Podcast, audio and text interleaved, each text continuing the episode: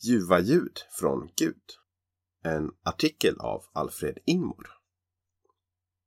Musik finns överallt, från vår vardag till Bibelns berättelse och kan låta på många olika sätt. Musiken är en del av Guds skapelse och finns både för att vi ska kunna möta Gud genom den och som ett sätt för oss att uttrycka oss själva.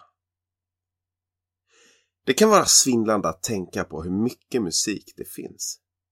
Det finns musik som gör oss lugna, fokuserade, ledsna, glada, taggade och sömniga. Det finns opera, jazz, rap, K-pop, metal, slager och säkert tusen andra genrer. Och skillnaderna kan vara stora. Vissa njuter gärna av eleganta och vackra arior av Mozart. Medan andra hellre lyssnar på Coldplay eller Kygo. Från Gud. Det är uppenbart att musiken berör oss. Toner, ljud och rytmer väcker något inom oss. Det som rent fysiskt kan förklaras med ljudvågor som tränger sig in i våra öron och basvibrationer som vi känner i kroppen har ändå förmågan att få oss att njuta på djupet. Detta är för att Gud har gett oss musiken som något som kan påminna oss om honom, som kan visa på något av hans storhet. Musiken kommer ur Guds stora skaparglädje, oändliga kreativitet och kärlek till oss.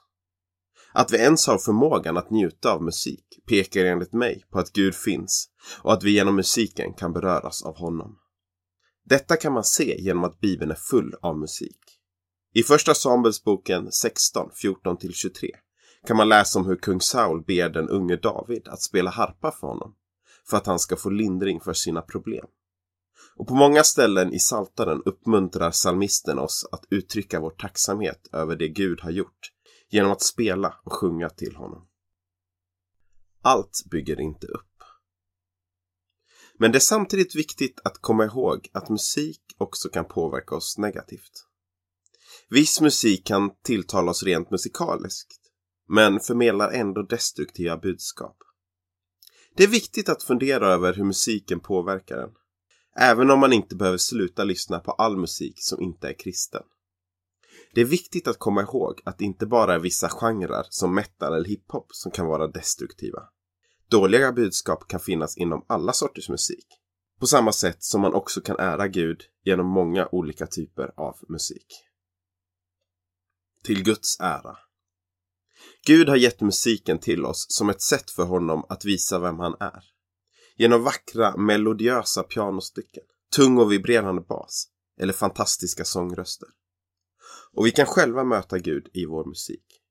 Stäm upp lovsång, slå på tamburin, på den ljuvliga harpan och lyran. Saltaren 81, vers 3.